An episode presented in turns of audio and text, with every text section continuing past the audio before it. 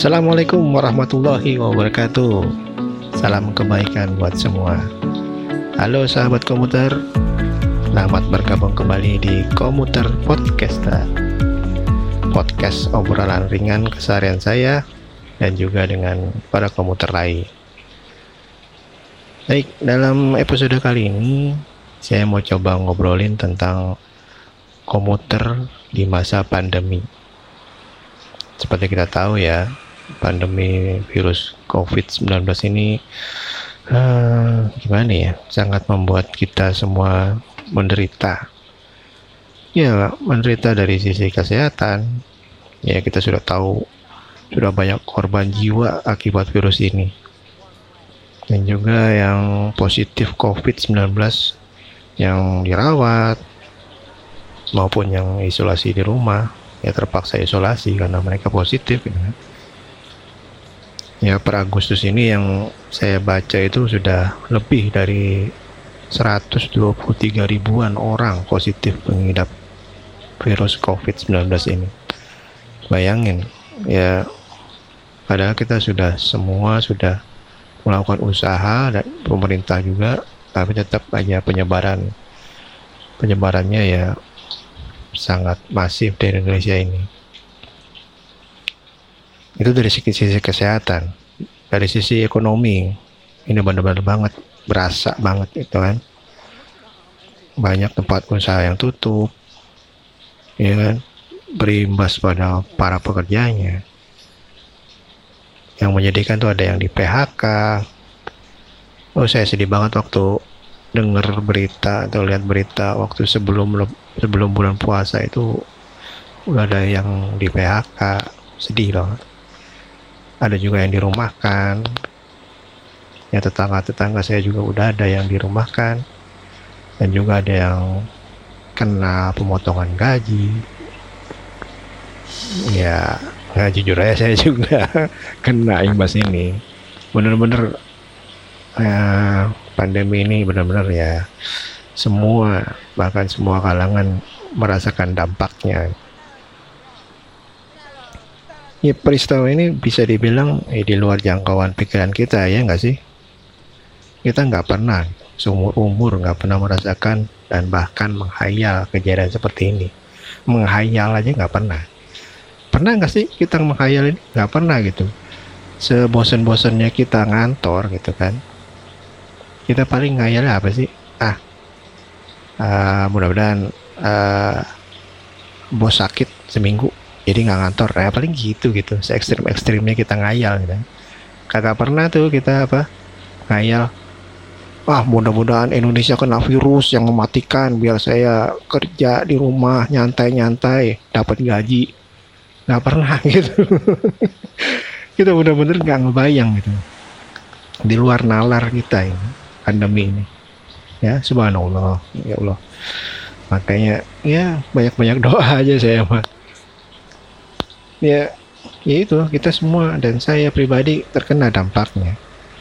Ya sejak pemerintah menetapkan pembatasan sosial berskala besar PSBB kan singkatannya. Ya sejak itu kantor saya juga menghentikan kegiatannya. Jadi semenjak Mei akhir itu saya full bekerja dari rumah atau work from home ya bahasa kerennya gitu kan ya hampir dua bulan saya bekerja di rumah full gitu. ya alhamdulillahnya kantor saya bisa lah ada sarana atau infrastruktur yang memadai untuk bekerja di rumah gitu. Alhamdulillahnya lagi di rumah juga saya punya sarana yang bisa menunjang pekerjaan di rumah. Gitu jadi alhamdulillah masih masih bisa lah. Jadi saya full hampir dua bulan di rumah. Ya udah tuh di rumah kan anak-anak juga di rumah gitu kan.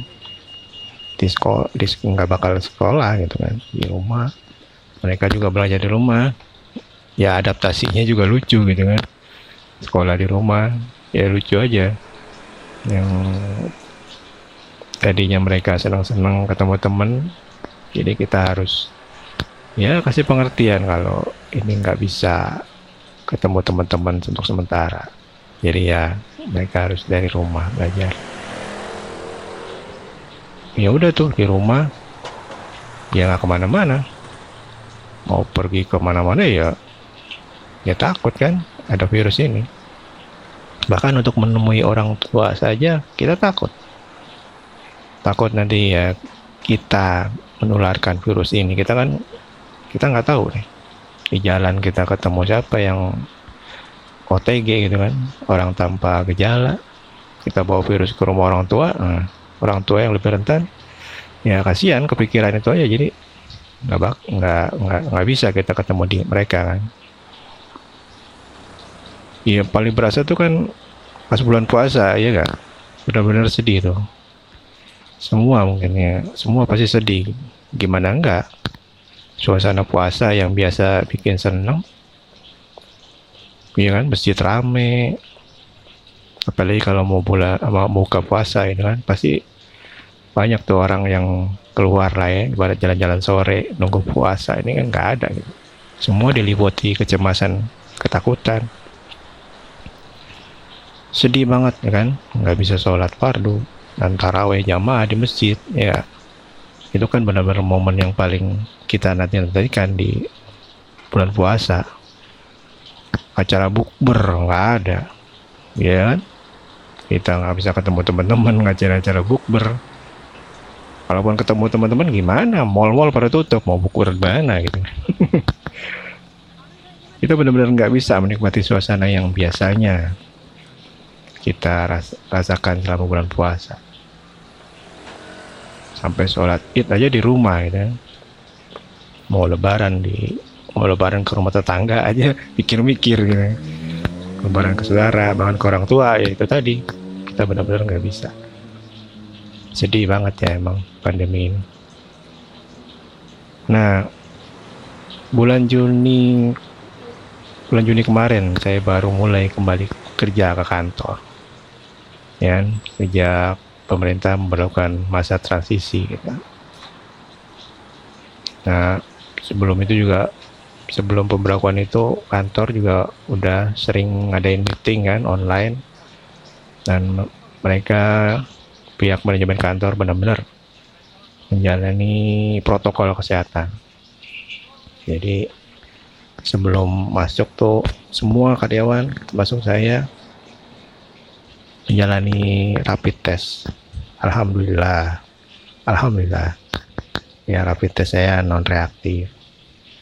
Dan juga alhamdulillahnya juga semua teman-teman di kantor juga non reaktif. Walaupun ada yang reaktif pas di tes swab alhamdulillah hasilnya negatif nah itu ya awal mula ke kantor itu juga benar-benar saya melakukan persiapan secara pribadi ya benar-benar saya melakukan persiapan secara pribadi karena gini loh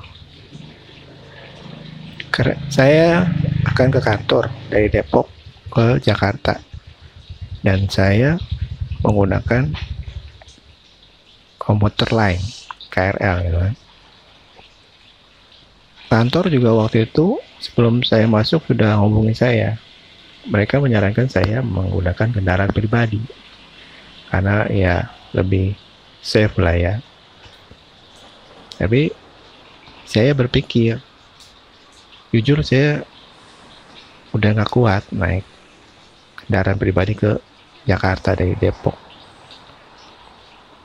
Ya teman-teman tahu sendiri lah alasannya. Walaupun masa transisi itu bisa dibilang masih banyak orang yang nggak ngantor, tapi saya nggak yakin apa kemacetan itu nggak ada gitu. Buktinya banyak teman-teman yang bahkan tetangga ada yang bawa mobil dan mereka juga kena macet gitu. Nah itu saya merasa gimana gitu ah, enggak deh. Enggak deh. Saya bilang saya bilang ke banyak manajemen saya tetap naik kereta tapi saya akan melakukan uh, usaha ikhtiar untuk melindungi saya dari virus ini. Gitu. Saya saya janji itu. Makanya uh, sebelum masuk gitu sebelum masuk hari H untuk hmm, masuk ke kantor naik kereta itu benar-benar saya melakukan persiapan. Persiapan apa saya membeli face shield satunya salah satunya. Face shield untuk melindungi muka saya. Masker udah pasti ya kan? Terus saya beli dua buah jaket yang murah ya. Yang buat jaket parasut untuk saya pakai sebagai pelindung badan saya. Ya saya pakai belum apa beli dua? Karena buat ganti-ganti gitu kan. Hari ini satu pakai satu dan besok saya ganti yang baru gitu. Jadi jaket nantinya saya pakai dan saya langsung cuci pas sampai rumah. Kenapa beli masker? Kenapa beli masker? Atau face shield? Atau jaket? Sarung tangan? Uh, cairan disinfektan? Itu kenapa alasan saya ini saya sadar gitu KRL komuter lain adalah salah satu tempat yang beresiko tinggi untuk penyebaran virus. Ini saya berkaca nggak semua pas saat pandemi ya. Saya sadar ini kan sebelum jauh sebelum adanya wabah pandemi virus corona. Waktu itu saya nggak pakai masker, terus di kereta dengan penuh sesak seperti itu. Nah, di beberapa uh, di depan saya itu ada orang yang sepertinya dia kena flu gitu. Nah, dia bersin. Wacu, gitu. dia bersin. Padahal dia jaraknya ya sekitar uh, bisa dibilang 3 meteran lah. Nah, saya nggak lama itu merasa hidung saya gatal. Nah, sampai di rumah saya mulai itu merasa nggak enak. Dan esoknya saya kena gejala flu. Dari situ saya mulai menggunakan masker selama saya menggunakan KRL. Itu udah dari tahun lalu mungkin udah lama saya pakai. Jadi itulah saya pakai itu masker sebelum ada wabah ini saya selalu pakai masker karena itu alasannya makanya saya sadar komuter lain adalah salah satu tempat yang beresiko tinggi untuk penyebaran virus ini makanya saya aneh gitu ada sempat ada viral kalau nggak salah itu ada pemerintah kota Jakarta menetapkan salah satu uh, tempat yang beresiko tinggi penyebaran virus itu adalah KRL banyak yang marah. Saya saya bingung kenapa marah. Itu benar itu kenyataan. Saya mengalami pribadi. Itulah kenapa saya melakukan ini melakukan uh, apalah istilahnya tindakan preventif menggunakan jaket face shield. Karena saya mengalami itu. Dan saya sadar kereta adalah tempat penyebaran virus yang amat sangat cepat karena bayangin kita di dalam satu ruangan ber AC dengan beribu ratusan orang satu tempat. Bayangin, kalau ada orang kena virus di situ, dan itu itu virus muter-muter aja di situ satu gerbong itu. Kita harus aware gitu. Apa yang kita hadapi.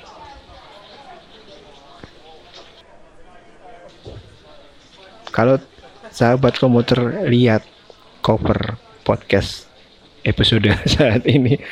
Ya ada orang pakai jaket tudung face shield kasawat apa sarung tangan. Itulah saya. Mungkin dibilang aneh. Waktu awal-awal saya datang loh ke peron gitu kan dengan berondong petong peralatan perang gitu. Banyak yang ngeliatin bahkan saya lihat ada yang moto saya gitu saya nggak peduli. Ya mungkin saya dibilang oh terlalu paranoid terlalu panak penakut gitu. Ah biasa aja kali gitu kan. Paling orang mikir gitu. Beneran saya nggak peduli itu gitu. Yang saya lakukan adalah saya berikhtiar untuk menjaga saya dari virus yang mematikan ini untuk diri saya pribadi dan terlebih lagi khususnya untuk keluarga saya di rumah. Plus juga teman-teman saya di kantor. Itu niatan saya benar jadi saya nggak peduli orang mau bilang apa saya kayak dengan penampilan saya seperti itu. Tiap saya mas naikkan naik kereta. Tiap saya naik kereta dengan penampilan seperti itu orang mau pikir apa saya nggak peduli. Karena inilah mungkin ikhtiar saya. Ya ikhtiar saya yang tadi saya bilang buat diri saya terutama buat keluarga dan teman dan sahabat saya di kantor. Atau ya orang-orang yang saya temui. Saya sampai kantor saya lepas jaket saya lepas face sebelum masuk ruangan. Itu ikhtiar saya buat teman-teman saya di kantor. Ya seperti biasa cuci tangan ya kan? Bahkan saya ada semprotan disinfektan gitu kan. Saya semprot semuanya saya tas jaket bahkan celana tangan semua. Baru saya uh, saya ganti baju dulu. Saya bawa salinan biasanya biasanya bawa baju satu di tas. Saya ganti baju. Itu itu biar saya buat teman-teman saya di kantor. Pulang juga gitu. Pulang sampai rumah. Bahkan baru sampai teras saya buka jaket saya pensil sarung tangan masker ya kaos kaki yang saya pakai. Itu di teras rumah. Istri saya sudah biasa tuh saya datang. Ya sudah biasa taruh ember di teras karena itu buat naruh-naruh baju-baju kotor. Baju-baju terindikasi virus. Jadi udah gitu baru. Nah istri saya bawa embernya itu langsung masuk mesin cuci dan saya langsung masuk kamar mandi itu adalah ikhtiar saya untuk keluarga saya. Untuk melindungi keluarga saya. Ya terserah. Sekali lagi terserah orang mau bilang apa menilai saya paranoid kah? Menilai saya terlalu, terlalu berlebihan terlalu penakut saya nggak peduli. Itulah ikhtiar saya. Untuk melindungi saya pribadi keluarga orang-orang di kantor sahabat saya dan orang-orang yang dicintai dan mungkin ini adalah setitik sedikit ikhtiar saya untuk bangsa ini agar virus ini tidak menyebar ke mana-mana. Itu baik nah, untuk episode kali ini sekian dulu. Uh, terima kasih sudah mendengarkan. Uh, mungkin kalau ada saran, kritik atau masukan bisa kirim ke email komuterpodcaster at gmail.com atau bisa follow atau bisa kirim juga direct message kalau ada saran ke Instagram saya di uh, at siapa tahu jadi juga nanti bisa kita sharing gitu kan. Kalau komuter juga sahabat komuter gitu. Maksudnya sahabat komuter punya pengalaman menarik bisa dikirim ke email saya. Nanti kita bisa ya saya istilahnya saya wawancara lah gitu kan. Kita bisa uh, sahabat komputer bisa kirim voice voicemail ke, ke email saya. Jadi kita biar saya tayangin di podcast saya ini. Itu oke? okay? Itu saja dari saya sekali lagi terima kasih sudah mendengarkan podcast saya ini uh, stay safe stay healthy and always happy. Wassalamualaikum warahmatullahi wabarakatuh. Bye.